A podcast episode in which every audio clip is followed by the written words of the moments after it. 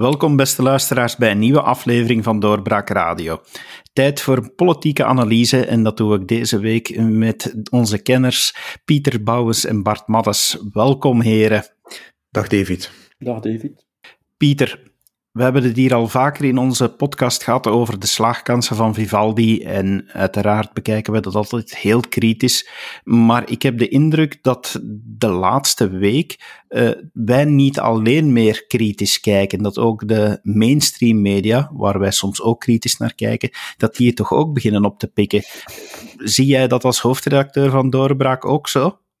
Wel, um ik weet niet wie de eerste was, maar ik heb uh, dit weekend verschillende mails gekregen met dat artikel van Joël de Keulaar, wat als, um, waar, um, waar ook Sigfried Brakke gisteren op doorbraak op, op, terugkwam. Um, en, en waar eigenlijk ja, de, de angst voor het mislukken van het, uh, van het Vivaldi-project afspat. Dat kan je eigenlijk niet anders zijn. Ja, verwonderen doet mij dat eigenlijk niet, moet ik eerlijk toegeven. Ik, ik, denk dat ik het hier al gezegd heb, maar als je dat eh, heel dikke boek De Premier van Chris Hoflak leest, met uh, interviews van de laatste, ik weet niet hoeveel premiers van België. Het eerste interview daarmee is met De Croo, afgenomen in tempore non suspecto. En dan, ja, het wij gaan het hier eens allemaal anders doen, spat daarvan elke bladzijde, terwijl je toen eigenlijk al wist van, dit gaat niet goed aflopen. Um, een veel te snel gemaakt, ja, die, die, die evaluatie was al honderdduizend keer gemaakt natuurlijk, hè, maar, maar een veel te snel gemaakt uh, regeerakkoord met te veel losse eindjes, een te grote diversiteit in die regering, te veel mensen die zich willen profileren, um, te grote druk in Vlaanderen op rechts en in Wallonië op links. Um, ja, iedereen die een beetje vooruit keek, zag dat deze regering zou verzanden in, uh, in, in, het Belgische probleem, namelijk uh, het vastzitten van alles.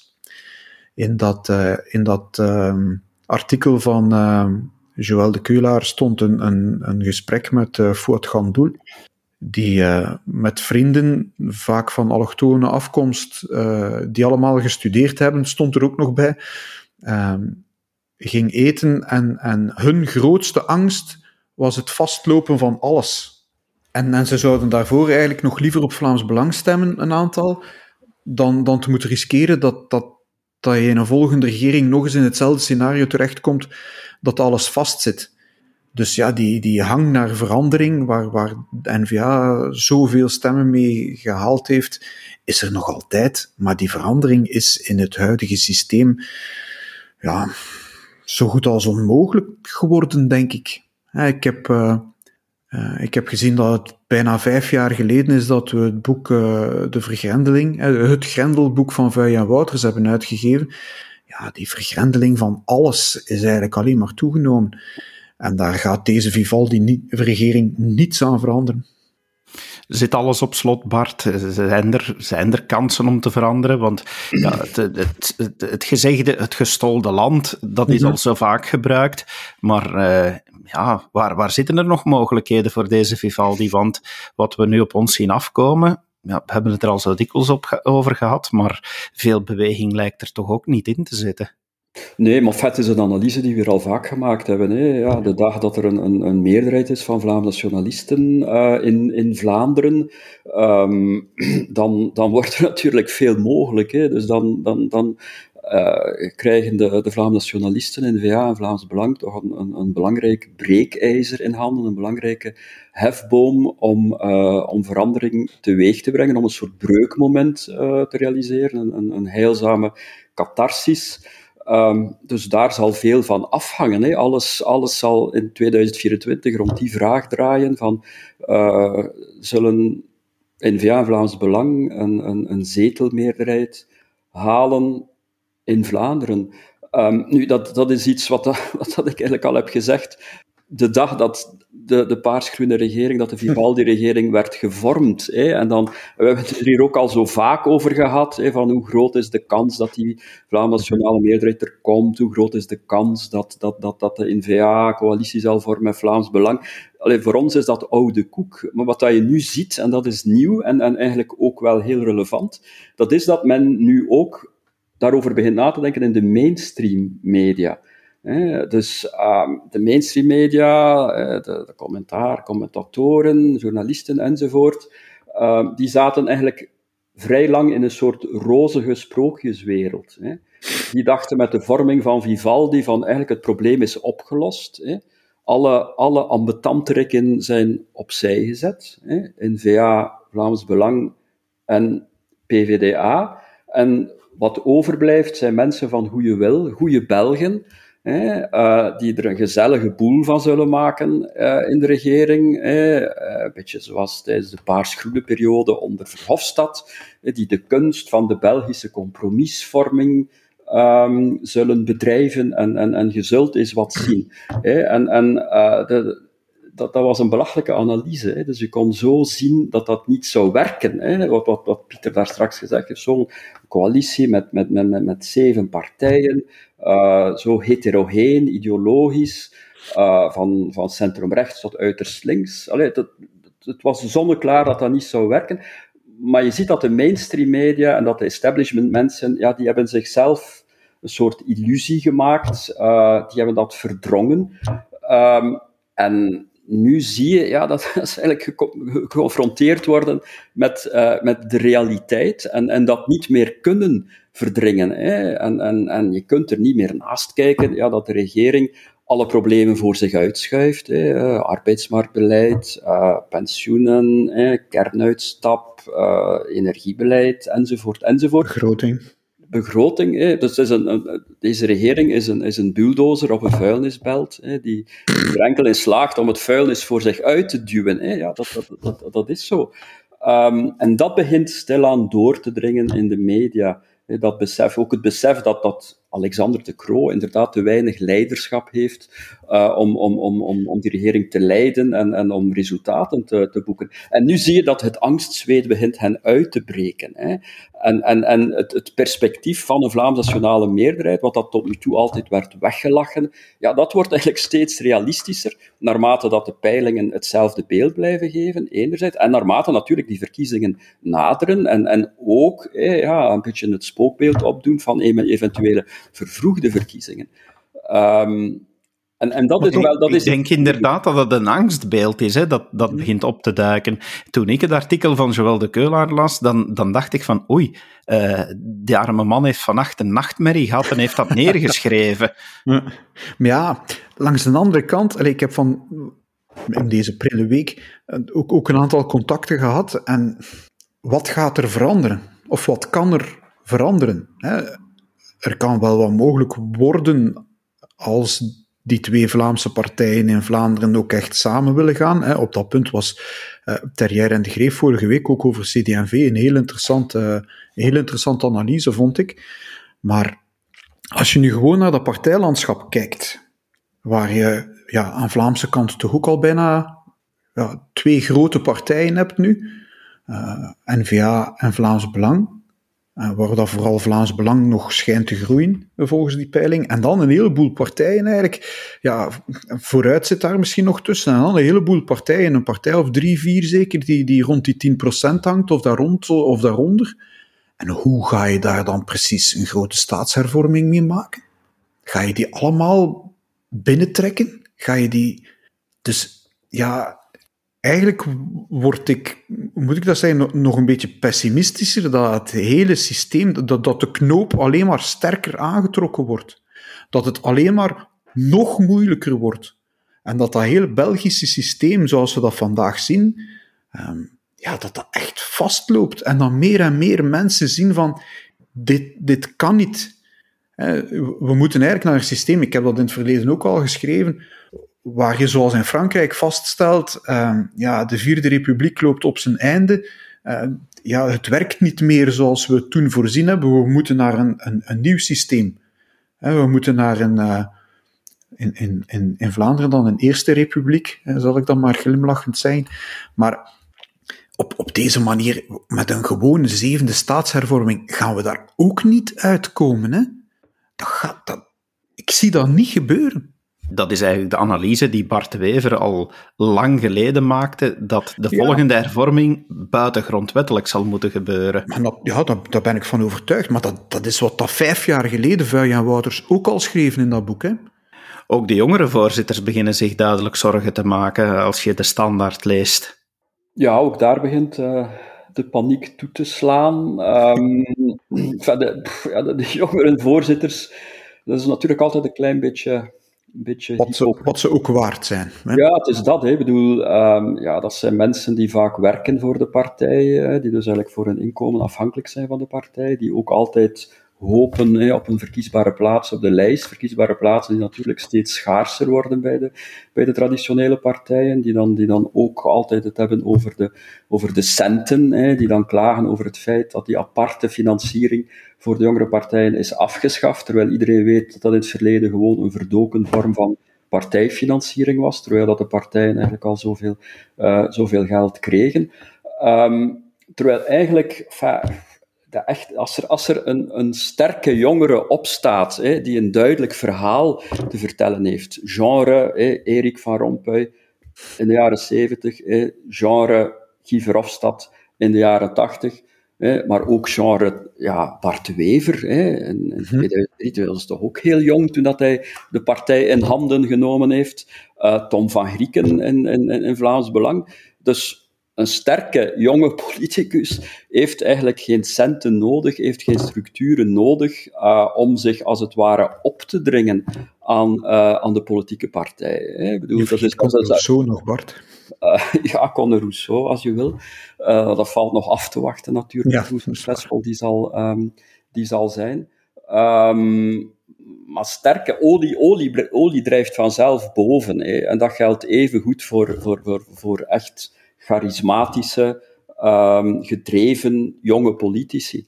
Um, en ik, ik, moet eerlijk zeggen, ja, ik, ik, ik, zie die vandaag niet bij de traditionele partijen. Hè. Ik, zie geen zo figuren binnen traditionele partijen. En moesten die er zijn, dan denk ik dat de traditionele partijen met heel veel plezier die, die jongeren naar voren zouden schuiven en, en zouden pushen. Integendeel, als ze een beetje boven het maaiveld uitsteken, worden ze vrij snel geliquideerd. Uh, Tess was zo iemand bij Open VLD. Ja, ze is ondertussen verdwenen. Hè? Het is weg. En ik hoor er toch nog weinig van. Um, dus ja, mensen worden behandeld als dissidenten in plaats van als kansen op de toekomst. Dat is ook alweer die, die daar hebben we het hier ook al vaak over gehad, hè, die strakke partijleiding vandaag maakt zoiets ook echt moeilijk. Hè? Wat mij ook opvalt, we hebben het nu over de media gehad, we hebben het nu over die jongere voorzitters, maar je ziet ook dat, dat onderling het wantrouwen toch stijgt. Eh, het is misschien maar een detail, maar uiteraard, iedereen heeft deze week uh, het voorstel van PS gezien. Sommigen zullen het wereldvreemd noemen, uh, alleszins de uitspraak. geen e-commerce meer in België klinkt vreemd, maar ja, tegelijk zie je nu toch vandaag ook vanuit CD&V weer de oproep komen van, ja, uh, beste federale regering, wanneer gaat het beloofde asymmetrisch beleid komen uh, omtrent de arbeidsmarkt? Waar blijft de arbeidsdeal? Uh, het begint overal echt luid op te knarsen. Hè. We weten dat het al langer knarst, maar nu begint het overal luid op te gaan. En ja, dan, dan, dan zie je een PS met zulke voorstellen komen die, die toch door iedereen met nodige wenkbrauwen gefronst wordt onthaald. Ja, ik vind het ook een beetje tekenend voor, voor waar, waarop vandaag aan politiek wordt gedaan. Hè.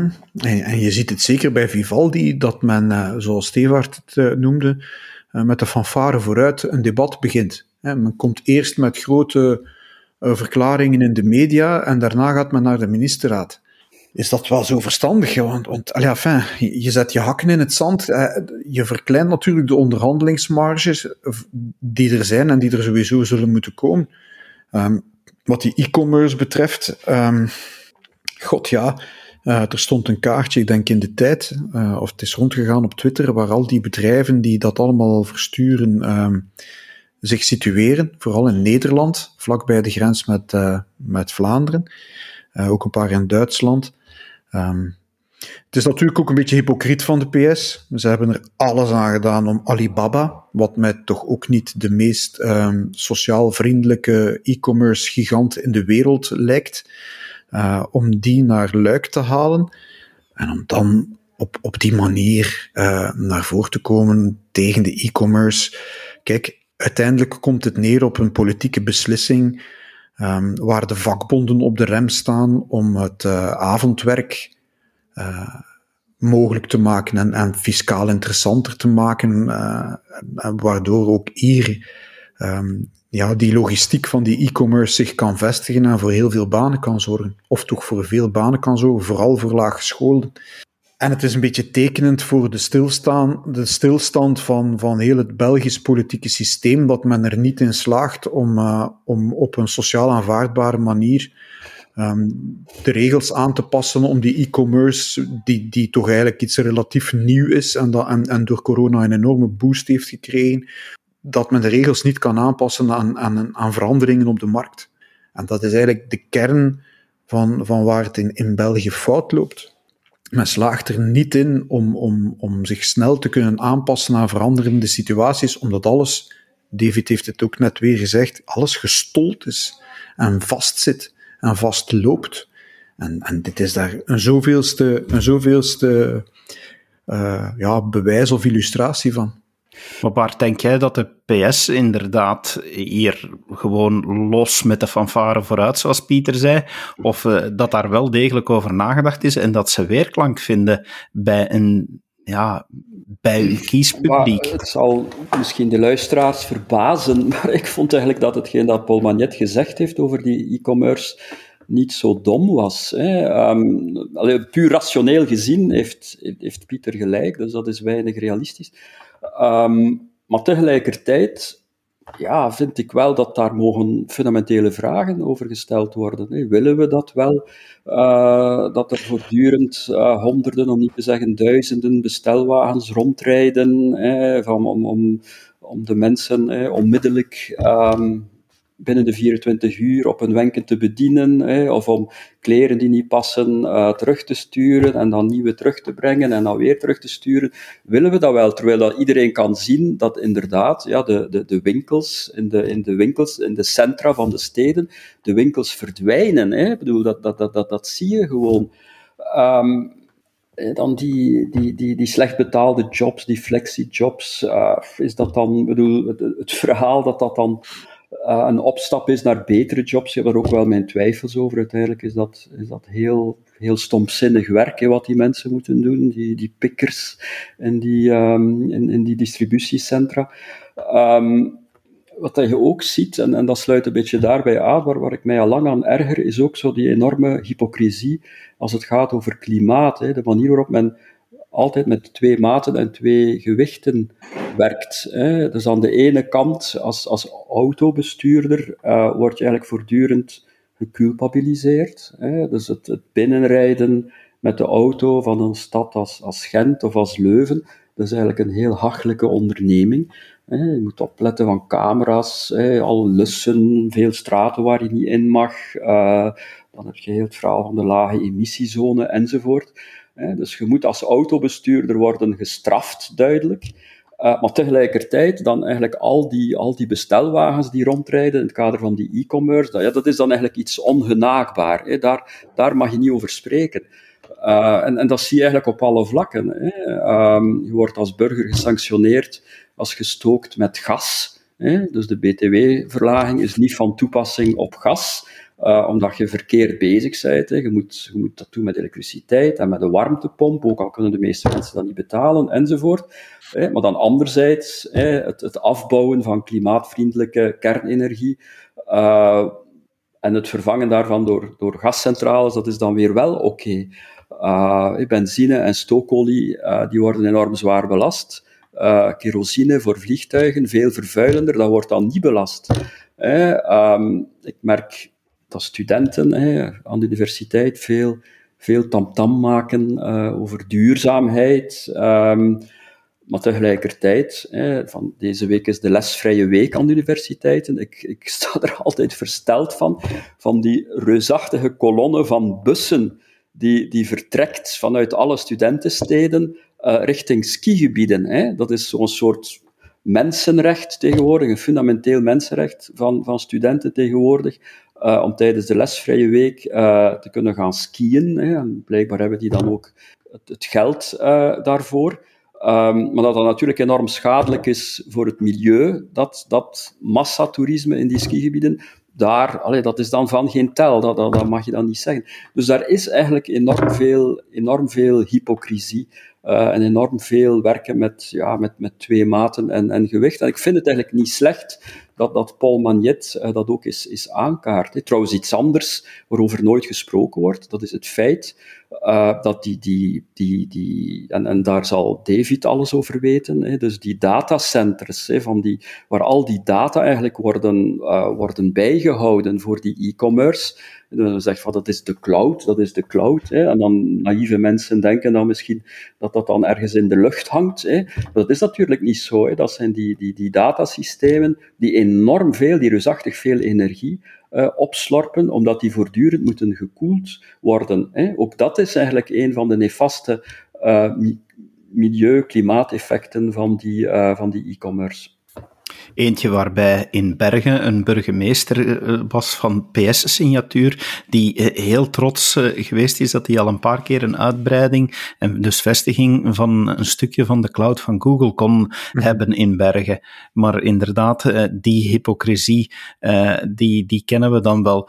Maar met dat we het nu ook over klimaat hebben, misschien uh, volgend iets uh, dat mij opgevallen is deze week, dat is dat je daar toch ook weer, misschien weer opnieuw met de fanfare op kop, uh, Pieter, maar is dat je, dat je inderdaad minister De Mier een ballonnetje hoort oplaten, is het een ballonnetje of niet, over terugvorderen van subsidies bij zonnepanelen, ja, die, al die ballonnetjes en, en, en dat gedoe, ja, is dat ook niet een stuk amateurisme, omdat men het niet meer kan behappen? Ja, je ziet daar heel, twee heel duidelijke, um, duidelijke reacties op. Hè. Uh, ten eerste, heeft het natuurlijk. Uh, het is niet zomaar een ballonnetje dat ze uh, onvoorbereid in de media oplaat. ze heeft dat um, wel degelijk voorbereid en daar uh, een paar degelijke advocatenkantoren opgezet in, om te zien hoe, hoe dat mogelijk is. Ik verschoot de, dit weekend heel straf, en, ja, en eigenlijk ook weer niet, van de heel heftige reactie die dat in de tijd uh, veroorzaakt heeft, waar zij heel sterk um, in, in, in de reactie gingen. Op de, in de kern van de zaak denk ik dat, dat Demir daar bij veel gewone mensen wel mee kan scoren. Want uiteindelijk gaat het over geld van de belastingbetaler, die via de elektriciteitsrekening rechtstreeks naar bedrijven gaat. En dat is die bedrijven hun schuld niet trouwens. Um, je zou als bedrijf uh, die het kon gek moeten geweest zijn om het niet te doen. Het is de Vlaamse regering die eigenlijk ja, met, met het geld van de belastingbetaler betaler gegooid heeft om die bedrijven te overtuigen om, om die zonnepanelen en ik weet nog allemaal te zetten en die daar nu, uh, als ik de tijd ook weer moet geloven, soms zelfs tot 20% winst ophalen. Ja, 20% winst die eigenlijk de belastingbetaler via zijn elektriciteitsrekening betaalt aan die bedrijven. Nogmaals, ik, ik, ik gooi geen steen naar die bedrijven. Het is gewoon een zoveelste bewijs van ondoordacht onderdachte politieke besluitvorming. Dat is een Vlaamse regering um, die eigenlijk niet ver genoeg nagedacht heeft over de consequenties van wat ze toen, uh, wat ze toen wou. Namelijk zo snel mogelijk die overstap maken, heel voluntaristisch naar die hernieuwbare energie. Allemaal toe te juichen, maar je moet toch twee keer nadenken eer je zo'n uh, zo'n dingen doet. En, en, en en een generatie Vlamingen voor twintig jaar met een miljardenfactuur opzadelt. Het is natuurlijk ook ja, de lafheid van, van de politici om dat allemaal in de elektriciteitsfactuur te steken. Dus er komt in dat, in dat idee van Demir heel, heel veel binnen. Um, en het is natuurlijk politiek ook.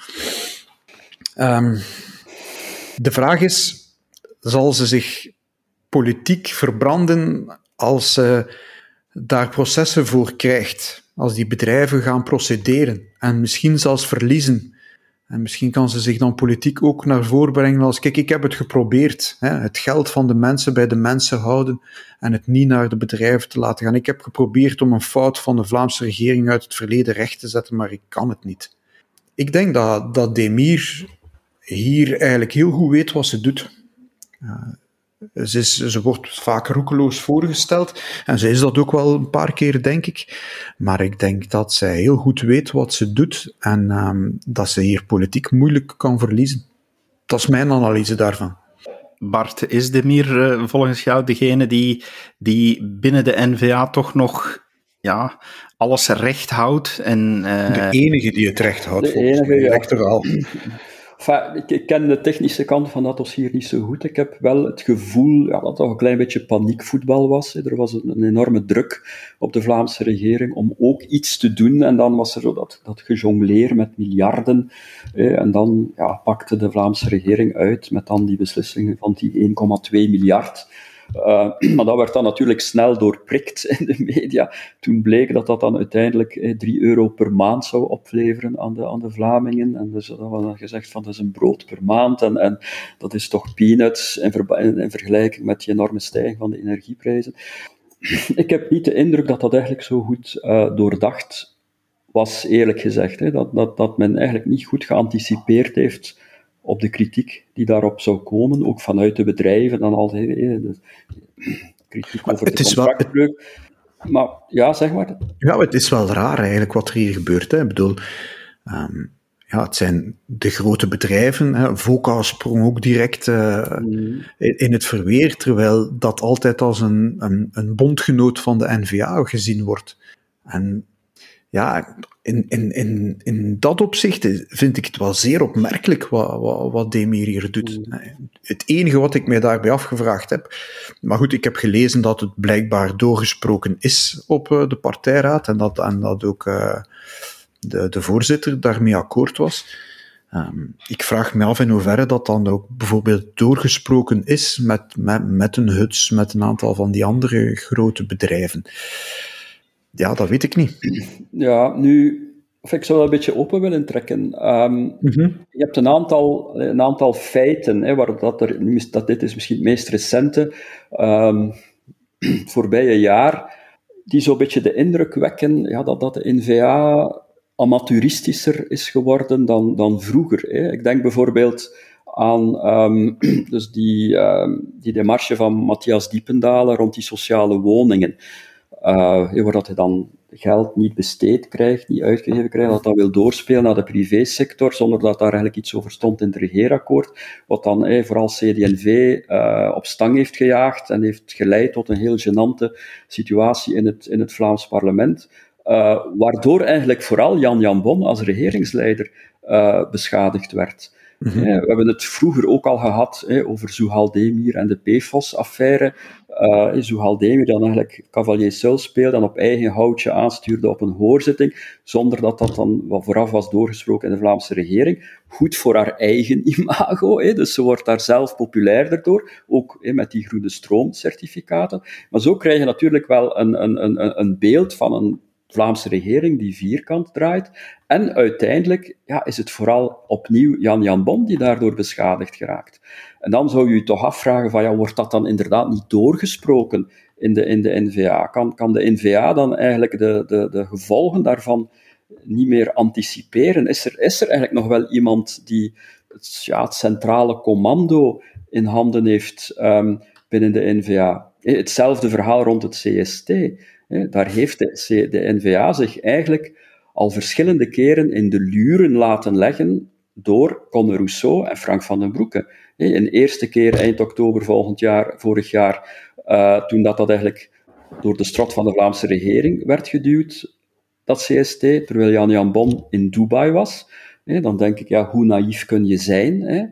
Um, en nu eigenlijk een tweede keer met, die met de, met de coronabarometer, hè, waardoor inderdaad dat CST echt is gebetonneerd. Hè. Dat hangt als een molensteen uh, rond onze nek. Hè. Dat is, enfin, we hebben het al zo vaak gezegd, eigenlijk een heel fundamentele inbreuk op onze, op onze vrijheden. Hè. Eigenlijk een hatelijke maatregel, hoe hard dat ook klinkt, een hatelijke maatregel. En dat is nu afhankelijk van, ja, van die cijfers, hè, van ziekenhuisopnames, hè, van aantal mensen um, op intensive care, waarvan dat we intussen ook al weten ja, dat die cijfers vaak met een korreltje zout moeten worden genomen, dat de ziekenhuizen soms die cijfers opdrijven om meer subsidies te krijgen. Hè, dat ook niet altijd duidelijk is van ziekenhuisopnames. Zijn dat mensen die met COVID worden opgenomen of die door COVID worden opgenomen? Dat is allemaal heel onduidelijk en op zich boeit dat ook niet, hè, behalve dat nu eigenlijk die fundamentele vrijheden daarvan afhankelijk worden gemaakt. En dat heeft men ook opgedrongen aan de NVA. De NVA had moeten op tafel kloppen en zeggen van kijk, die barometer, dat is, dat is allemaal goed en wel voor een aantal ja, meer technische zaken, voor telewerk en voor moet je een, een, mondmasker dragen op straat en op de trein en, en met hoeveel mensen mocht je winkelen. dat, zijn, dat zijn maatregelen die, die voor iedereen gelden, die, die eigenlijk niet zo heel ingrijpend zijn. Um, maar dat CST is een, is een immens ingrijpende maatregel, hè, omdat het discrimineert, uh, omdat het segregatie creëert in de samenleving. Um, daar had de NVA moeten op tafel kloppen en, en zeggen, ja, voor ons gaat dat niet. Hè. Uh, CST moet zo snel mogelijk afgeschaft worden, punt, onafgezien van die, uh, van die parameter. Maar daar zie je dan ja, dat, dat, dat vooruit, hè, en Rousseau, Frank van den Broeke, daar een electoraal spelletje spelen. Hè. Zij, zij, zij zien ja, daar electoraal gewin hè, en daar heel, heel radicaal beleid uh, te voeren, hè, vast te houden aan de radicale lijn, hè, omdat ze ook, uit opiniepeilingen blijkt ook, ja, dat daarvoor steun bestaat in de publiek. Dus vooruit kan zich daar daarop profileren. En, en het ergste van alles dat dat waarschijnlijk ook zal, uh, zal, zal werken. Uh, maar wel ten koste van, uh, van onze fundamentele vrijheden. Dat is eigenlijk een heel, een heel cynisch um, spelletje, een heel leep spelletje, uh, dat uh, Conde Rousseau en Frank van den Broeke spelen. En dan zie je dat de NVA eigenlijk naïefweg in die val trapt. En um, maar daar speelt natuurlijk ook mee, we hebben dat ook al vaak gezegd, dat dat CST eigenlijk wel aansluit hè, bij een meer socialistische, collectivistische ideologie van, van vooruit. Um, terwijl natuurlijk haak staat hè, op de meer liberale ideologie van OpenVLD en van NVA. Dus vooruit kan eigenlijk die meer liberale partijen, die ook intern heel verdeeld zijn daarover, kan die in de tang nemen met, uh, met dat CST. Dat is ook een deel van die uh, politieke stratego die daarmee uh, gespeeld wordt. En de NVA-politici, dat, lijken eigenlijk wel koorknapen, hè, die naïef weg um, in, die, in die val trappen. En op die manier, als je al die feiten eens op een, op, op een rijtje plaatst, feiten die misschien op zich niet zo belangrijk zijn, of die op zich kunnen genuanceerd worden, maar als je dat op een rijtje plaatst, ja, dan zie je daar eigenlijk meer en meer, vind ik, een, een NVA die niet meer de NVA is van vroeger. Hè. Vroeger, uh, ja, sinds 2003, 2004, had je een NVA die, die eigenlijk getuigde van heel veel strategisch inzicht. Hè. Die, die altijd de andere partijen een paar zetten voor was op het schaakbord. Die eigenlijk een goed, um, een goed inzicht had in, in als we dat doen, wat zal dan de reactie zijn? Hoe kunnen we daarop reageren? Een partij die snel kon schakelen, vaak moeilijke beslissingen kon nemen en doorduwen. Ook beslissingen waar we het vaak niet mee eens waren. Hè. Denk de Zweedse regering, hè, eh, het, het, het, buitenwerken van Vuyen en Wouters enzovoort. Maar er was altijd een, een centraal commando, uh, dus die partij was, was goed geleid, hè, was centraal geleid. En, en dat is vandaag precies weg. Hè. En, en ik heb het gevoel ja, dat, dat de NVA een probleem heeft wat dat betreft. Is, is dat dan, is dat, ja, heeft dat te maken met Jan Jan Bon, zwak leiderschap van Jan Jan Bon in de Vlaamse regering? Misschien. Misschien heeft het ook te maken met, met, met de voorzitter, Bart de Wever, die, die er misschien niet meer met zijn gedachten bij is, of die meer bezig is met zijn burgemeesterschap in Antwerpen um, dan, dan met ja, het leiden van de, van de NVA. Maar er is een, een, een soort amateurisme dat binnencijpelt in de NVA, dat er vroeger niet was. Hè? En, en dat is een probleem, want met amateurisme win je geen verkiezingen. Het, uh, het zal uitkijken worden wat dat geeft, maar nu we toch over CST hebben, uh, Ik ben momenteel op reis in Scandinavië. Denemarken heeft al alles afgeschaft, ieder regeltje. Vandaag, we nemen dit op op uh, woensdag 9 februari, vandaag stopt uh, hier in Zweden, uh, stopt men met alles, alle maatregelen gaan, gaan buiten. Ehm, ja, en bij ons blijft het inderdaad maar gaan. Bart had het er al over, een CST die maar blijft voortgaan. maar er wordt wel tegen betoogd. En mhm. ik weet niet of dat jij het gezien hebt, Pieter, maar de Universiteit van Antwerpen heeft wel een interessant onderzoek gedaan over het profiel van de betogers. En daar, daar kunnen we toch heel wat uit leren eigenlijk, dat het niet is zoals sommigen denken. Ja, twee, ik denk dat er twee kranten vandaag over schreven. Even gaan zoeken om, uh, om, om het zelf te vinden. Ja, een, een, pdf van een bladzijde of 24, denk ik. De Universiteit van Antwerpen, die dus ehm, op de betoging zelf mensen gaan interviewen is en, en unieke uh, codes heeft uitgedeeld om zo um, ja, een aantal vragenlijsten te laten invullen. Is misschien meer voor Bart als professor, maar ja, je kan je natuurlijk afvragen, in totaal gaat dat denk ik over 200, 223 mensen over twee betogingen, waar toch ja, enkele duizenden mensen waren. Uh, rond de 15% van de, van, de, van de mensen die ze gevraagd hebben om dat online in te vullen, heeft dat gedaan. Zij zeggen in een onderzoek dat het allemaal, um, uh, dat het allemaal betrouwbare resultaten zijn. Goed, dus zullen we daar maar van uitgaan. Maar dat geeft toch een, een, een heel, heel bijzonder beeld eigenlijk uh, van, van een hoogopgeleide groep mensen um, die daar komt betogen. Um, en het interessante, één ding die mij opgevallen is daar bijvoorbeeld, is dat, dat 79% van die mensen die daar betoogt zegt dat het, het politieke systeem van België deugt niet meer vandaag. En daar hebben we het eerder in deze podcast al over gehad. Uh, maar twee, als je ziet dat die uh, betoging weggezet is als een betoging van extreem rechts, uh, met dit onderzoek in de hand kan je dat niet doen. Um, het is geen uh, betoging van complotdenk, van, van extreemrechtse complotdenkers, zelfs niet van extreem linkse complotdenkers. Um, het is een betoging van vooral mensen die vooral tegen het CST zijn. Dat, dat, dat blijkt hieruit, nog een aantal andere dingen ook. Maar um, ik raad politieke partijen aan toch eens heel goed te kijken um, naar, dat, naar dat onderzoek. Als je kijkt, uh, men heeft gevraagd aan, aan de mensen daar voor wie heb je in 2019 gestemd. Ja, dan geeft dat toch een, een, een, een beeld van, van ja, stemverhoudingen. Um, over die twee betogingen samen bijvoorbeeld, grootste partij N-VA. Um, ja, uh, eh, PvdA redelijk groot, Vlaams Belang ook nog. Um, maar als je dan ziet uh, naar de partijaanhankelijkheid vandaag, en dan zie je dat heel veel mensen um, ja, weggaan van hun partij, ook uit COVID-onvrede. En dat er geen enkele partij is eigenlijk in, in, het, uh, in, in de twee democratieën in België die dat kan oppikken. Er is geen enkele echt ook oppositiepartij die dat kan oppikken. Hè. Men, men schrijft wel, ja, vooral Vlaams Belang en PvdA. Mm, ja, uh, er is toch nog altijd 30% ook in, in dat onderzoek die onbeslist is.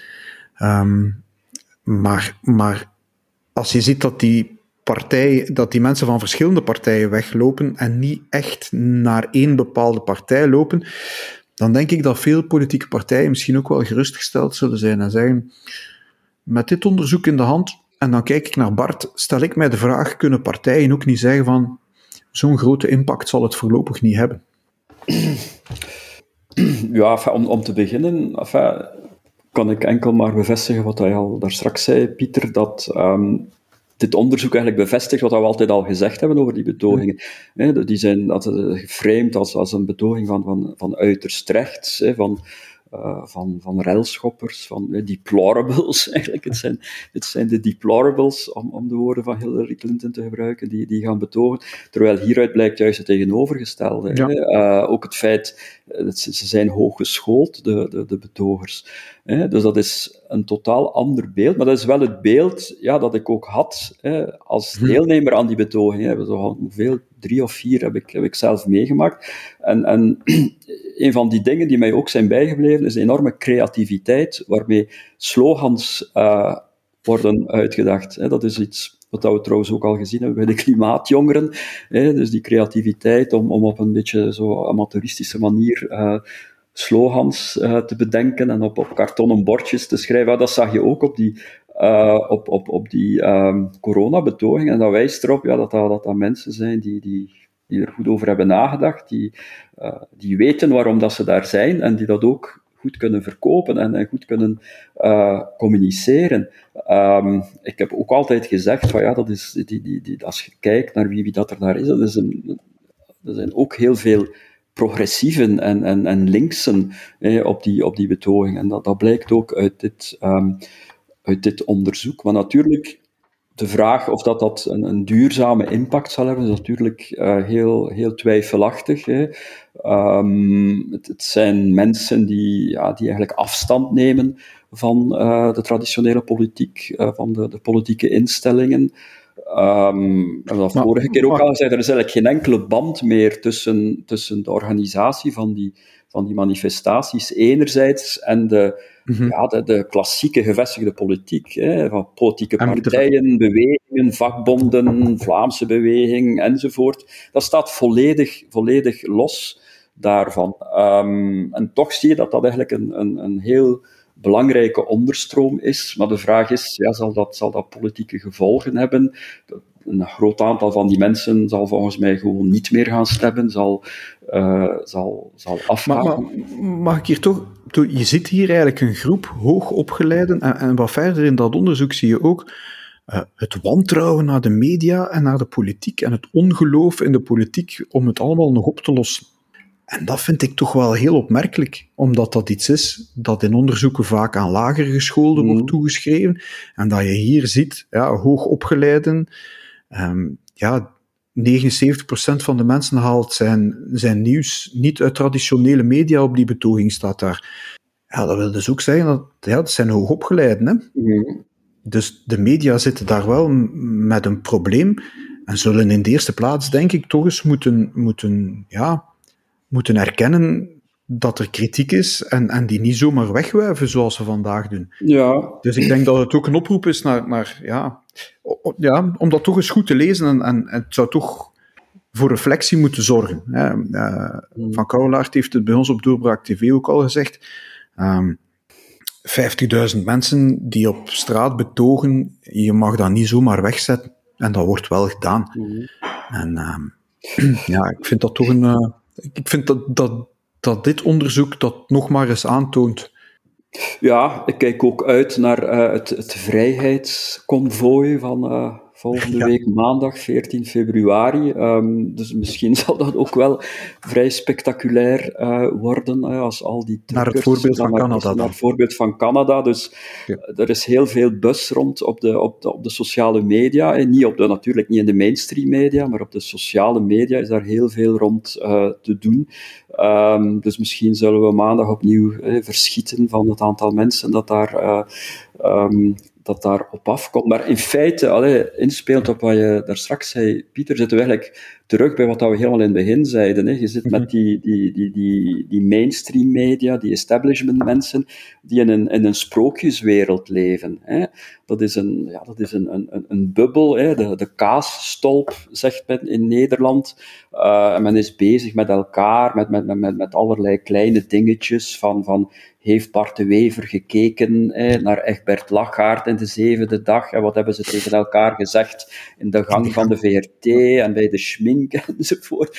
Ja, dat, dat zijn de zaken die, die, die binnen dat kleine wereldje van, van, van, van mainstream journalisten eigenlijk heel belangrijk is, uh, terwijl dat, dat eigenlijk heel veel mensen totaal niet boeit, hè, terwijl dat heel veel mensen uh, ja, daar gewoon afstand van nemen, daar een afkeer uh, van hebben. En dus ik, ja, ik krijg daar die, die enorme disconnectie. Um, die maatschappelijk gezien enorm problematisch is, hè, natuurlijk. Maar waarbij de vraag kunt stellen, ja, wat zal dan het politieke gevolg daarvan zijn? Hè? Hoe zal zich dat politiek vertalen? Uh, dat is een groot vraagteken. Een laatste vraag, Bart. Hoe spijtig vind je dat je niet kan gaan zingen dit jaar? Want het zangfeest wordt maar weer eens uitgesteld. Ja, ik, uh, ik, ga, ik ben een heel um, trouw zangfeestganger, al, al heel lang. Um, dus ik, ik vind dat inderdaad, uh, inderdaad heel, uh, heel jammer. Um, maar tegelijk ja, ook, ook schrijnend. Hè? En, en, dat geldt niet alleen voor het zangfeest, dat geldt eigenlijk voor um, de hele Vlaamse beweging en, en eigenlijk voor het verenigingsleven in Vlaanderen uh, tout court. Um, Ik zou alle luisteraars ook willen aanraden om eens te kijken um, naar het filmpje op de website van de Vlaamse Volksbeweging met de nieuwjaarsboodschap uh, van voorzitter Hugo Maas. Hè. Misschien kunt je een keer een link uh, um, Zullen we ervoor zorgen? Ja. Het is een heel professioneel gemaakt filmpje. Het is eigenlijk plezant om naar te kijken. Uh, maar, maar, tegelijkertijd ook schrijnend, hè, omdat ja, die hele terugblik naar, naar 2021, dat zijn allemaal activiteiten die de Vlaamse Volksbeweging had willen doen, uh, maar niet heeft kunnen doen omwille van, uh, omwille van corona. Um, en ja, dat geldt eigenlijk voor alle verenigingen. En ik, wat, wat ik ook een beetje uh, erg vind, dat is dat als het in de media, men spreekt altijd over, over ja, de horeca, eh, men spreekt over de, de fitnesscentra, eh, de, de, de cinema's, de theaters, de operas, eh, de evenementen enzovoort. Maar eigenlijk over het grootste slachtoffer van heel die coronacrisis, namelijk de verenigingen, daar wordt eigenlijk niet over gerept.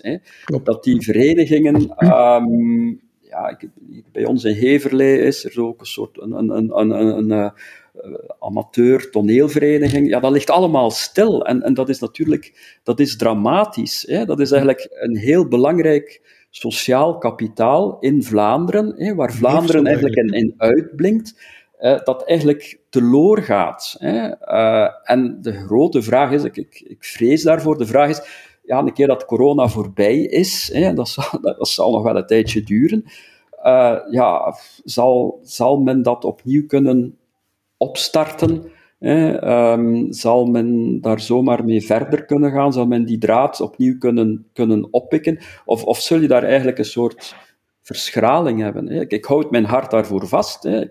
Uiteindelijk het zangfeest moet het ook hebben van mensen die gewoon elk jaar opnieuw gaan. Dat is een vaste gewoonte, een vast ritme, uh, een vast ritueel.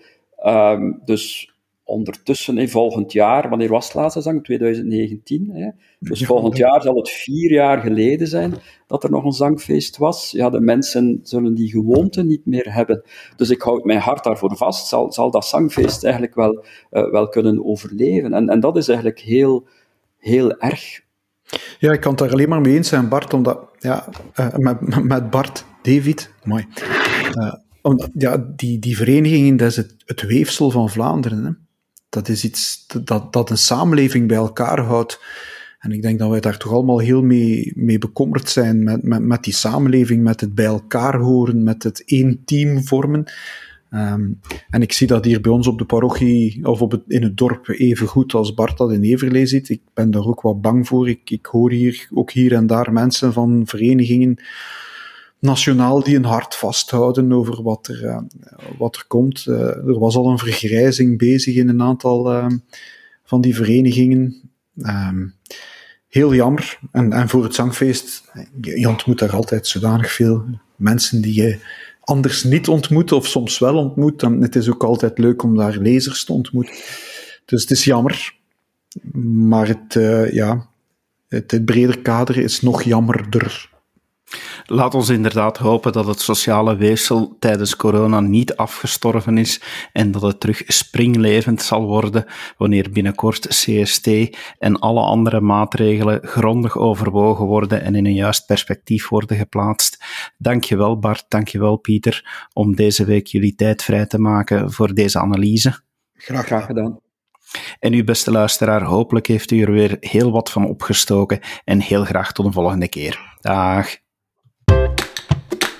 Dit was een episode van Doorbraak Radio, de podcast van doorbraak.be. Volg onze podcast op doorbraak.be/slash radio of via Apple Podcasts, Overcast of Spotify. Bezoek ook onze website op doorbraak.be en steun ons door een vriend te worden van Doorbraak.